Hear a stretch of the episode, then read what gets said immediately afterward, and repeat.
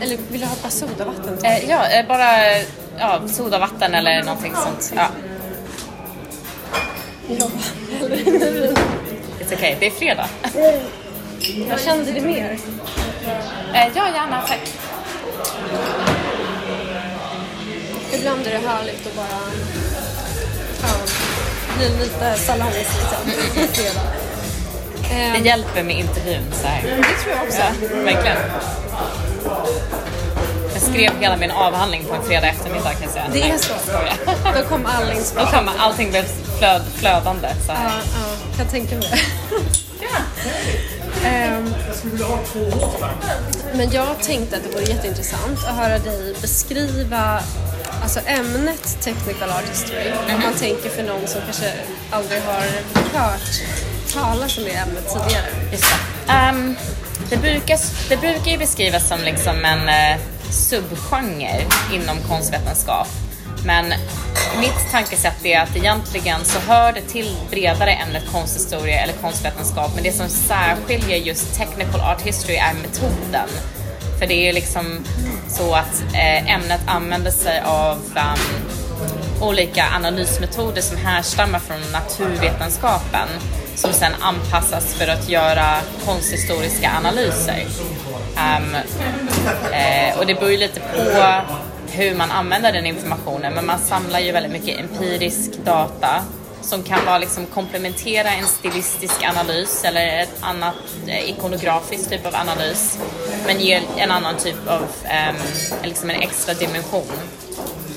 Ehm, och jag har ju framförallt, jag brukar beskriva det ibland som att ehm, eh, liksom alla resultaten man får fram är liksom data för social art history. Eh, data for the purposes of social art history.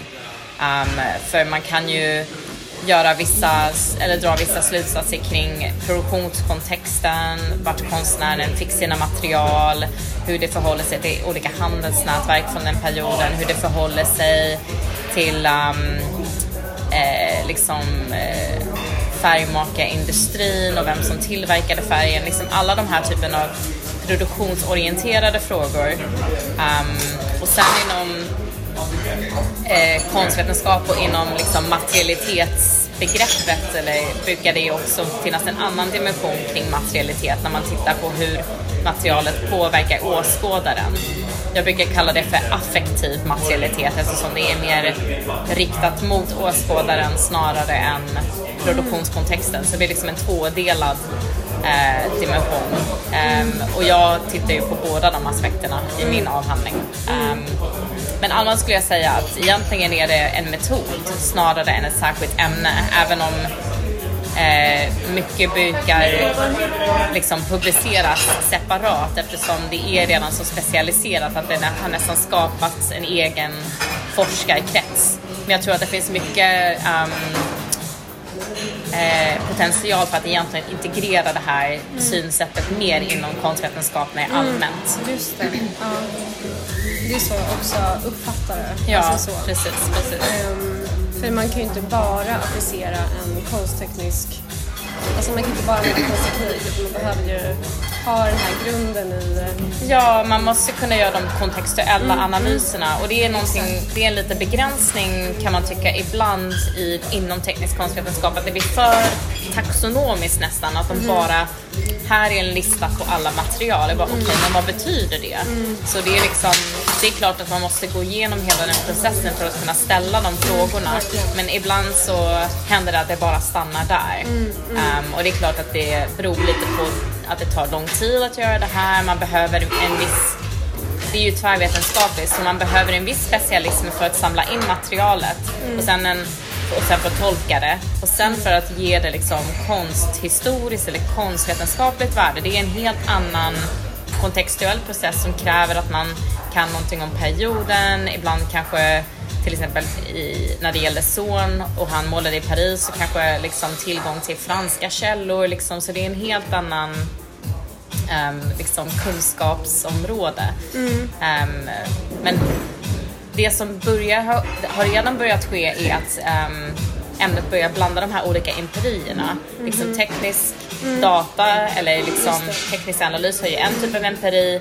Och så en som konsthistoriker kommer man in och kanske har lite mer förståelse för, kring olika arkivmaterial, om den historiska kontexten, om olika estetiska debatter som hände under den här perioden. Så ska man försöka liksom skapa någon slags bro mellan de här olika empirierna. Och det är nog där teorin kommer in lite grann för att skapa liksom, eh, liksom ett sam samlade begrepp, liksom samlat synsätt som hjälper de här två världarna att mötas lite grann.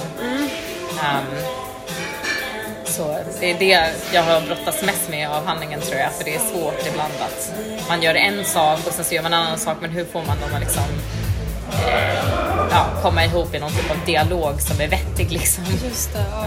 ja. ja för det kanske är, kanske är en konstig fråga att ställa, men så här, finns det någonting specifikt alltså, som man skulle kunna säga är typ, det viktigaste syftet som du tänker så här, att använda te- konsttekniska analyser inom konstvetenskap? Vad är liksom, finns det någon sån? Ja, det synliggör ju um, olika typer av fakta eller berättelser, berättelser kring individuella konstnärverk, kring konstnären, kring deras kontext som kanske inte är synliga om man bara tittar på till exempel ikonografi mm. eller liksom det som är representerat. Mm. Materialet Precis. säger ju någonting helt annat.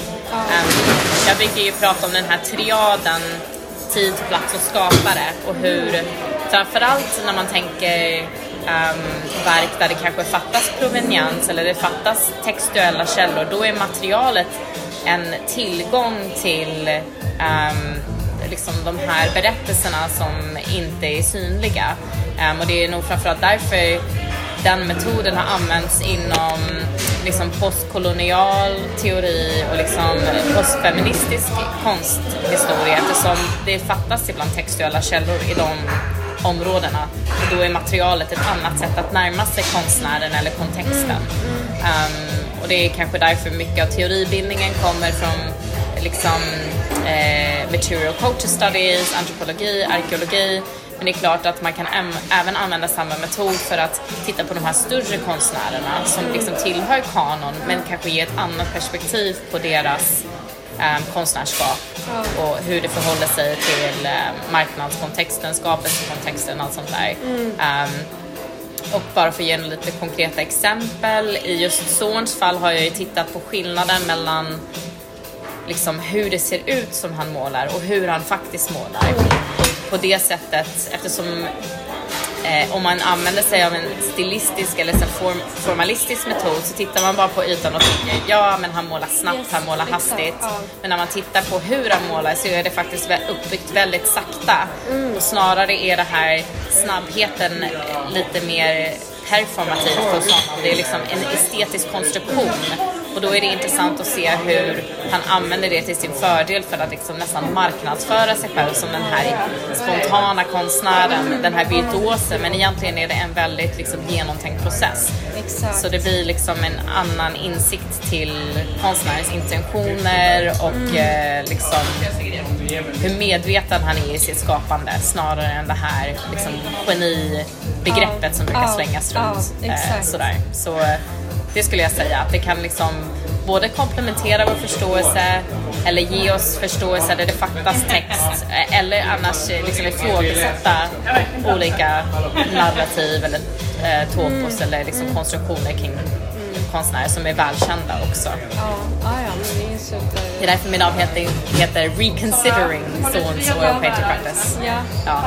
Reconsidering, reevaluating, mm. challenging, det vill jag inte säga. Men Ifrån äh, ditt manus där du skrev så här, through close examination of the physical structure and surface factor of Son's paintings, we are able to eliminate the often hidden relationship between final aesthetic and the artist's means of expression. Just det. Och det är ju egentligen det vi pratar om nu. Ja. Um, och de här liksom dolda relationerna i mm. konstnärsproduktion som man kan då upptäcka genom teknisk konstvetenskap. Ja, och det gäller ju inte bara så, impressionisterna också, alltså tidigare liksom narrativ kring, liksom, framförallt om vi tänker på konsthistorier från 1900-talet, är mycket att de var spontana, de var rebeller, mycket hände bara på plats i en enda sittning, men liksom de senare analyserna av impressionisternas verk, framförallt från kanske 80-90-talet framåt visar ju ibland att de har underteckning, de har undermåleri, de är ganska liksom planerade och liksom den här snabbheten var väldigt mycket en konstruktion. Det var inte bara ehm, eh, liksom någonting som förekom på grund av deras plein. Um, och eh, det är klart att det påverkade. De var i dialog med varandra men det är liksom det är lite begränsande att se det endast som eh, spontanitet. Mm. Um, för man får tänka sig, de har ju en egen agens, konstnärer är alltid väldigt medvetna om vad de gör. Så jag tror teknisk konstvetenskap, mycket mer än bara en stilistisk analys, Mm. synliggör det här eftersom eh, man tittar från botten upp och Mm, precis. ser liksom verkets skapelse från färgerna, från grunderingen, liksom upp till fernissan eller penselföringen så man får liksom en mycket mer komplex bild av ehm, hur de jobbar. Det som inte var tänkt att vara så. Ja, de är nog inte så glada över det. Nej, jag kan tänka mig det. Eh, om, om son levde idag skulle han säga "Vad- gör du? Låt bli. Ja, exakt. Men eh, ja, det är så det blir. That's the Precis. cost of being famous tror Ja, jag. ja, exakt. Nej, de kunde inte förutse det här riktigt. Nej, nej, nej. Ska vi se. Jag har själv inte, jag hann knappt läsa igenom mina egna frågor när jag mejlade till Nej, nej, så nej, men det är okej, det är okej. Det blir väldigt så mycket. Ehm, jo, men det var precis det här du pratade om nu. För jag har skrivit så här. Du skriver om hur en målning i, eh, i dess slutresultat kan ge uttrycket, eller intrycket av att ha målat snabbt och utan vidare ansträngning. Eh, men det är i själva verket ett arbete, ett väldigt tidskrävande, det ligger liksom väldigt ett noggrant arbete bakom slutresultatet. Absolut, absolut. I Zorns fall var det ju inte bara så att han jobbade i flera lager för att Nej, nå och nej. liksom det spontana kommer i de sista penseldragen på ytan. Men också att han har en väldigt lång skissprocess Ja. där han testar fram formen, kompositionen, valörerna och liksom när han börjar komma, liksom kommer till det slutliga verket så har han redan jobbat med motivet en hel del så han vet hur det ska se ut, han vet hur ljusförhållanden ska se ut och um, um, då kan han ägna sig mer åt de här snabba, sista, eh, liksom the final touch. Um, för att få um, eh, ja. Och det finns ju en stor eh, i, avhandlingen så pratar jag om liksom hur det här typen av spontana Även om det är medvetet, det här uttrycket förhåller sig till olika estetiska debatter som pågår under ehm, liksom mitten till slutet av 1800-talet. Om modernitet, om snabbhet och refererar framförallt till. Charles Baudelaire som ehm, pratar om liksom snabbhet som det moderna uttrycket och så. The så. painter of modern life. Precis, precis. Um, Så det är där jag har lyckats hitta paralleller. Um, men även liksom eh, jämföra Zorns metod och teknik till impressionisterna och sen andra konstnärer som ställde ut inom, i hans kontext som var liksom den officiella Paris-salongen och eh, de olika biennalerna, Venedig-biennalen och så um, The Berlin Succession, The Munich Succession, um, liksom världsutställningen, The World Fair. Um, och liksom har jämfört honom med andra konstnärer från den kontexten. Och så. Som det har gjorts tekniska studier på eller? Ja, det är lite mer begränsat. Impressionisterna är väldigt välutforskade, Ja, ja, ja. men just, som det kallas, just miljökonstnärer, medelvägen, the middle way. Sargent till exempel. Sargent, Boldini, Sorolla. Jag tittar på Manet, han är något tidigare än son men hamnar ändå i den kontexten eftersom han ställde ut på salongen och sånt där. okej. Eh, mer frekvent. Impressionisterna gick ju bort från salongen eftersom de Ja. inte fick vara med och bildade Nej. sin egen grupp Ja. och lite så. Ehm, eh, ja, så det är begränsat med material om dem men det, det har gått att göra en preliminär jämförelse i alla fall som jag tror att man kan bygga vidare på om man till exempel eh, publicerar studier om eh, liksom olika typer av naturalister som egentligen var lite mer ins, eh, av en inspiration för de skandinaviska konstnärerna som Albert Desnard, Jules Bastien Lepage men så vitt jag har sett så finns det inga studier, tekniska studier om dem nu. Det är fortfarande väldigt begränsat. Yes, och det finns nästan inget om svenska konstnärer. Nu blir det Zorn. Eh, det finns en avhandling om prins Eugen. Men den var väldigt, den var från eh, 2001. 2001. Ja. Ole Ingolf Jensen och den, ehm, den är väldigt vetenskaplig. Så den tittar på det här taxonomiska, det här väldigt empiriska sättet men eh, sätter inte in de materialen i kontext. Nej. Och jag vill inte kritisera honom för mycket för det är liksom, han var en pionjär på sitt sätt men han har helt enkelt fokuserat på andra typer av forskningsfrågor. Um, så det var till exempel lite arkivmaterial på Valdemarsudde som han kunde ha jämfört materialet med som till exempel um, Eh, fakturor från Wilhelm Becker som eh, också var färghandlaren som son köpte sina material av. Um, ehm, men de, så vitt jag har sett, har inte refererats i den där tidiga avhandlingen. Så det, det fattades lite av liksom samspel mellan det skriftliga och det, och det um, naturvetenskapliga just där.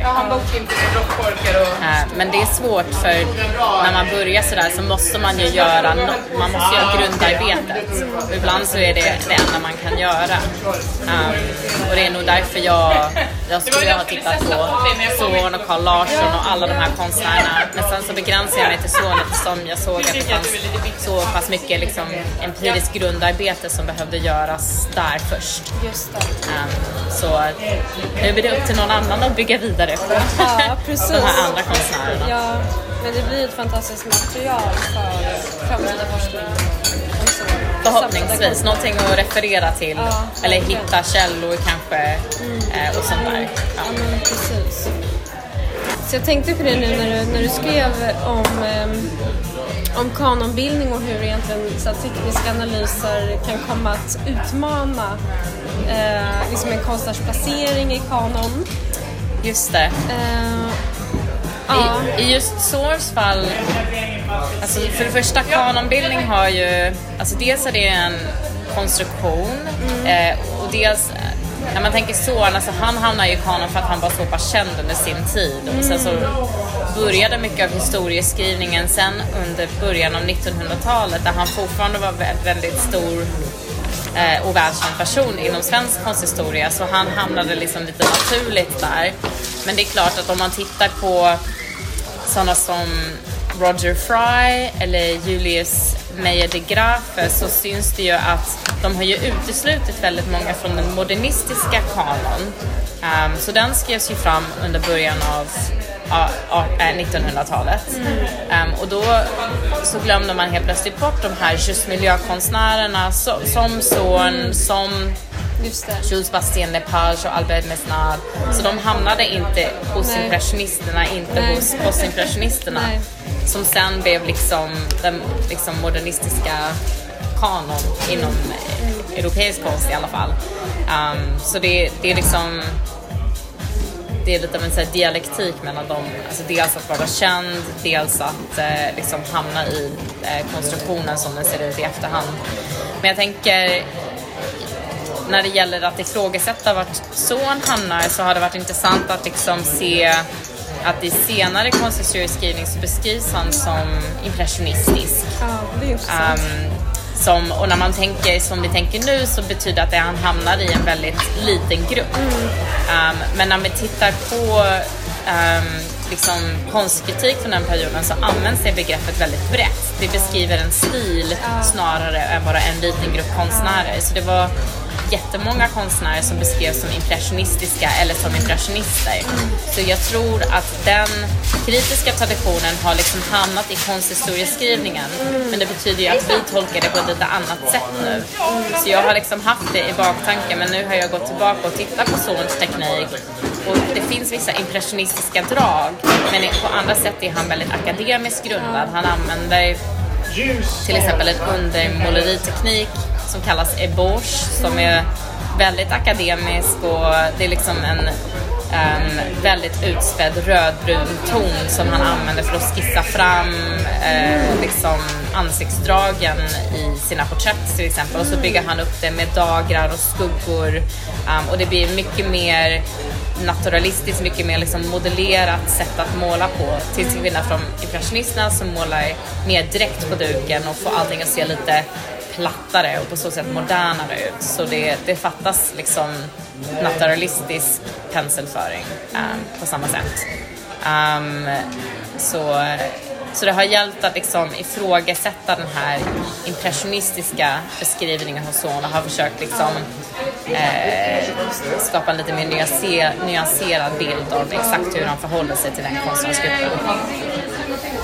För nu när jag har eh, gjort lite så research om eh, Strindberg så förstod jag att även han eh, var kallad impressionist någon mm. gång i historien. Det var säkert i samma liksom, anda där. Att man... Just det, man får, tänka, man får tänka sig också att det begrepp, begreppet dyker ju fram i, i Paris när impressionisterna ställer ut och det används som ett, lite av ett så negativt term. Ja, ja. Men sen när den, det begreppet importer, eller exporteras och hamnar i Sverige USA, det får en helt annan betydelse för den är ja. lite mer kontextlös. Mm. Så det är klart att konstkritiker i Sverige kanske har en liten annan uppfattning om vad det är för någonting och liksom, ju, um, ju mer man hamnar i periferin så blir det liksom eh, ett bredare begrepp helt enkelt. Mm. Man får tänka sig att svenska konstkritiker till och med på 1890-talet var något mer konservativa än vad de var i Paris. Så de tyckte till och med på 1880-1890-talet nästan 10-20 år efter impressionisterna först ställde ut så är det fortfarande ganska radikalt att måla på det här sättet.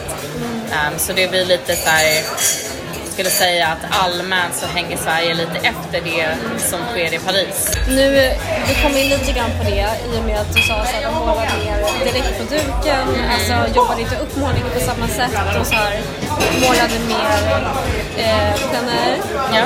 eh, Men vad var liksom eh, den stora skillnaden i hur impressionisterna målade och de här just miljökonstnärerna? Eh, jag förstod, jag, jag läste delvis att de använder sin grundering mycket mer i liksom det färdiga verket. Just det, just det. Det är väldigt svårt att sätta... Nej, men um, så det, det som skiljer dem åt mest är deras utställningskontext. Ja, just det. Ja, men det... Uh, för impressionisterna gick ju bort och ställde ut självständigt, så hon fortsätter ställa ut på salongen. Men det finns ju, de hade ju delade liksom köparkrets. Så um, det finns ju samlare som Jean-Baptiste Fauré som var en känd operasångerska, eller sångare. Han köpte impressionistverk, han köpte verk av Zorn och Manet och andra så det var lite blandat i köparkretsen till och med. Det var inte så att... Det trodde inte jag. Exakt, det är liksom lite av den här myten som har, de var helt separata men det fanns alltså lite blandat. Och likaså Isabella Stewart Gardner, en av Zorns största klienter som han var vän med i Boston. Som nu, eh, hennes samling finns ju på Isabella Stewart Gardner Museum.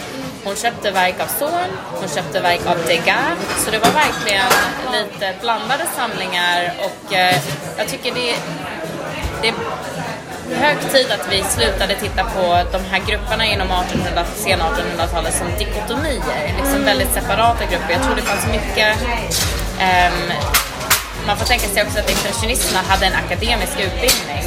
Um, många som Monet, Basile Renoir, de är utbildade hos um, Charles Gabriel Gillet. I alla fall, han var en akademisk målare och de är utbildade i hans ateljé så de hade den här akademiska grunden. Så jag skulle säga att alla har samma grund egentligen vid den här perioden. Till och med impressionisterna och just miljökonstnärerna. Men de väljer att använda det på lite olika sätt. Liksom, impressionisterna går mycket mer åt det här spontana hållet, det här snabba sättet att måla på. Där de går bort från teckning, går bort från undermåleri, går bort från den här långsamma processen men det är fortfarande samma formula, men bara liksom att de uttrycker sig på olika sätt. Så de kanske väljer sig att använda sig av mer snabba penseldrag, mer grundering som får skina igenom så att det blir mindre modellering i ansikten till exempel. Medan just miljökonstnärerna är fortfarande kanske lite mer åt det akademiska hållet. Um, men det finns ingen tydlig gräns. Um, till exempel uh, Manets verk från 1880-talet är fortfarande mycket mer moderna och mer spontana till synes än vad Zorns verk är, även om Zorn målar under 1890-talet. Så det beror verkligen på jag brukar beskriva det som mer av ett spektrum snarare än de här väldigt separata grupperna. Att det blir liksom a spectrum of modernism. Att de har de här olika formula. Och du kommer, du kommer se det i avhandlingen sen, det finns ett kapitel om det, att det faktiskt liksom Eh, de är närmare varandra men de väljer bara att uttrycka sina medel på olika sätt. Men eh, det finns mycket så här, overlap, absolut.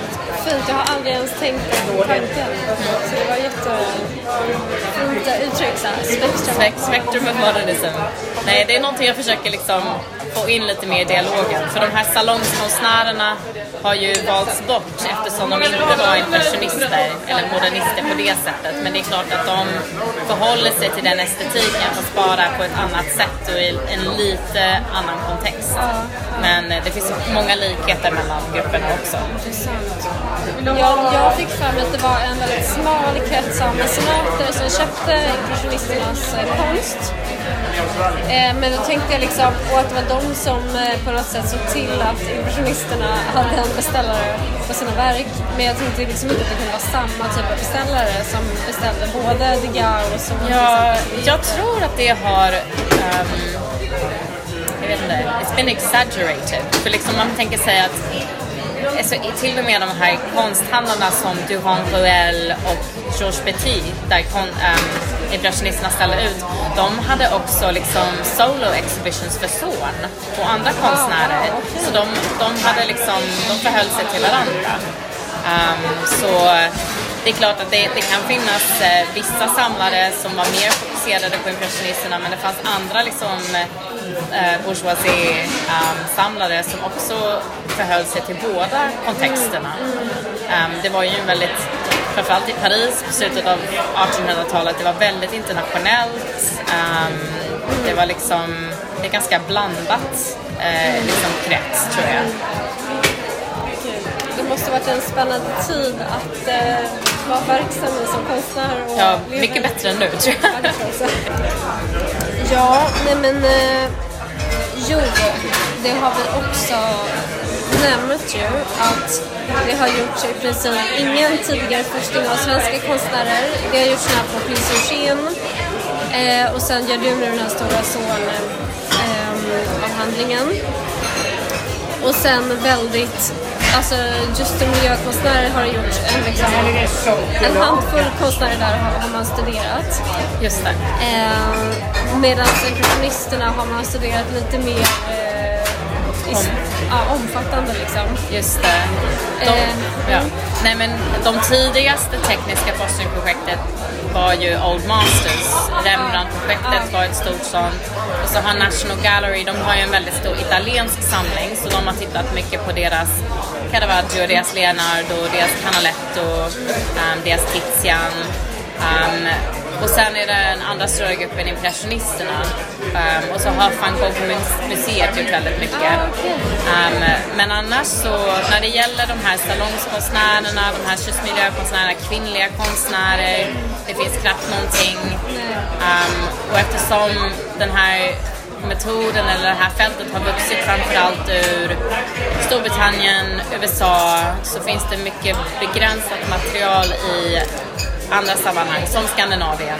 Um, de har gjort en del i Köpenhamn, de har gjort en del på Edvard Munch i Norge um, och så Rijksmuseum har, har, gjort en del. Men framförallt just Sverige så har det inte skett så mycket hittills. Och det är ju för att den här utrustningen egentligen inte har varit tillgänglig och som sagt, det krävs väldigt um, tvärvetenskapliga kunskaper och um, det är bara väldigt nyligen de har börjat utbilda studenter i Sverige i de här olika liksom, kunskapsområdena i liksom en samlad eh, utbildning. Um, så det, det är nog därför det har dröjt lite grann. Ja, ja. Det är verkligen som du säger. För att, alltså jag tänker så här, det är väldigt eh, centrerat till eh, det landet som det museet gör, det projektet. Så det blir väldigt så... Det är ingen som kommer studera svenska konstnärer i Frankrike. De har ju många egna konstnärer att studera. Just det. Liknande i England. och- Eftersom man, man måste ju förhålla sig till material snarare Ja, än precis. ikonografi så är man finns andra lo- logistiska saker att tänka på. Man måste ha tillgång till samlingen, det är en uppenbar sak. Det räcker inte med att titta på en bild. Man måste kunna titta på verket, helst när den inte är i sin ram. Och så måste man ha tid.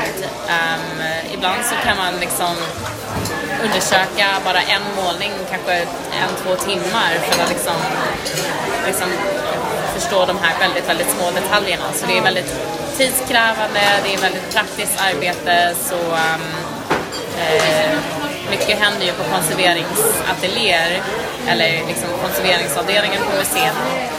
Ehm, men nu har vi ju börjat bygga upp det här empiriska materialet så det kan vara så att konstvetare eller tekniska konstvetare kommer in med en liksom mer eh, forskningsinriktat synsätt och liksom tar den datan och tittar på den eh, i ett, liksom ett annat sammanhang. Eh, så. Men det, är- det är viktigt att eh, bygga fram eller liksom eh, göra den här grundforskningen för att kunna börja göra de mer kontextuella analyserna. Ja, men allmänt så tycker jag att med hjälp av de här tekniska synsätten kan man börja ifrågasätta liksom, ehm, den, liksom den moderna kanonbildningen och kanske få lite mer dialog mellan de här salongskonstnärerna och impressionistgruppen och kanske få en liksom bredare förståelse för den internationella kontexten som faktiskt skedde i Europa under den perioden. Ehm, så jag tror vi måste gå bort lite från de här dikotomierna, de här olika grupperna och titta på det mer eklektiskt, mer som ett spektrum. Ehm, så jag skulle gärna vilja se mer forskning om um, just miljökonstnärer som Besnard, som Bastien Lepage um, och gärna mer forskning om Manet och Sargent för det är liksom ett fåtal studier där. Um, och sen eftersom det här är första liksom, in, långa eller större forskningsprojektet om en svensk konstnär så tycker jag det är värt att titta på till exempel Strindberg, Carl Larsson, Bruno Liljefors, um, kvinnliga konstnärer som eh, Anna, pa- Hanna Pauli, Julia Bäck, Anna Boberg och liksom förstå lite mer hur de förhöll sig till varandra. För de är ju bundna till varandra på ett sätt som eh, eh, liksom de internationella konstnärerna inte är. Så man kan titta till exempel lite mer på betydelsen av, av um, Wilhelm Becker i Stockholm som var egentligen den enda färghandlaren um, stora färghandlaren i Stockholm från 1860 framåt. Nästan alla de här konstnärerna köpte material hos honom och liksom vad var hans position och liksom eh, vad, vad kunde man köpa hos honom? Um, varför valde vissa konstnärer som son att förhålla sig eller använda en ganska begränsad palett när någon som prins Eugen använde nästan alla pigment som fanns tillgängliga från Becker och var mycket mer experimentell med materialen han använde. Så jag tror det finns mycket att säga om tillgängligheten och marknadskontexten kring konstnärsmaterial i Sverige under den här perioden. Det är väldigt underforskat skulle jag säga. Intressant.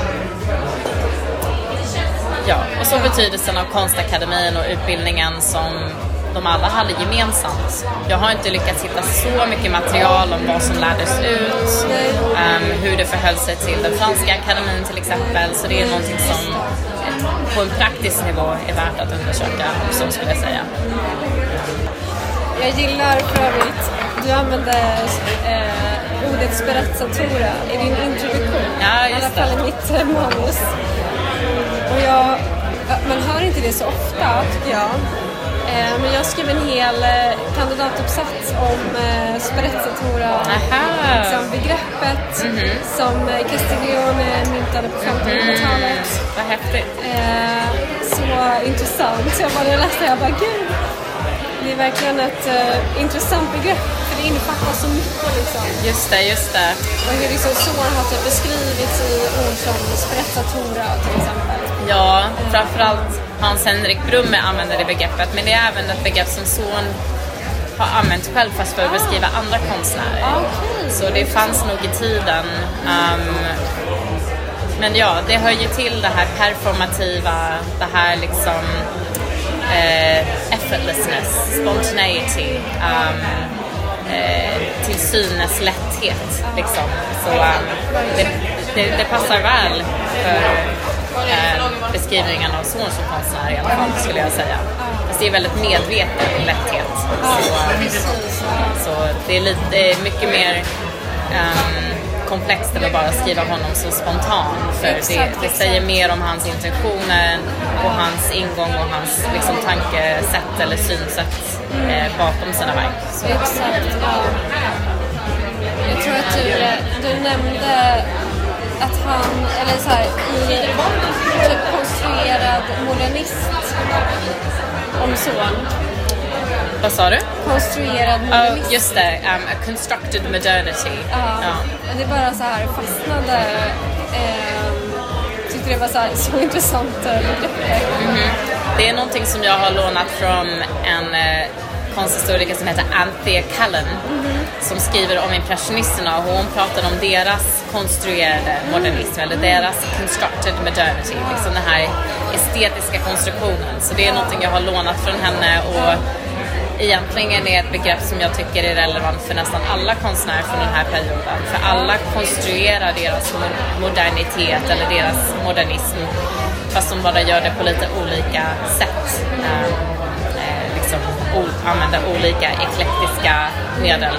Um, så hon är ju dels akademiskt grundad och så lånar han lite från impressionisterna men han, eh, någonting som är väldigt intressant hos honom är att han um, bygger lite vidare på sin tidigare bakgrund som akvarellist och manipulerar sin oljefärg för att få det att likna akvarell um, på ett intressant sätt som särskiljer honom från impressionisterna och Sargent. Så igen, den här eklekticismen den lånas nog från mer än två fronter. Det är liksom ett väldigt um, som sagt, internationellt sammanhang. Jag brukar prata det, beskriva liksom um, nätverk av inflytande, networks of influence, snarare än liksom en binär skala där det bara finns två sidor att välja från. Det är mycket bredare och mer komplext än så. Så jag tycker att prata om liksom en enda inspiration eller en enda källa är ganska banalt egentligen och man kanske inte kommer så långt om man bara försöker hitta, hitta en enda källa till konstnärens teknik. Eh, eh, så. Vilket är rimligt när man tänker liksom, om man har jobbat själv med konst så vet man att man tar inspiration från allt möjligt.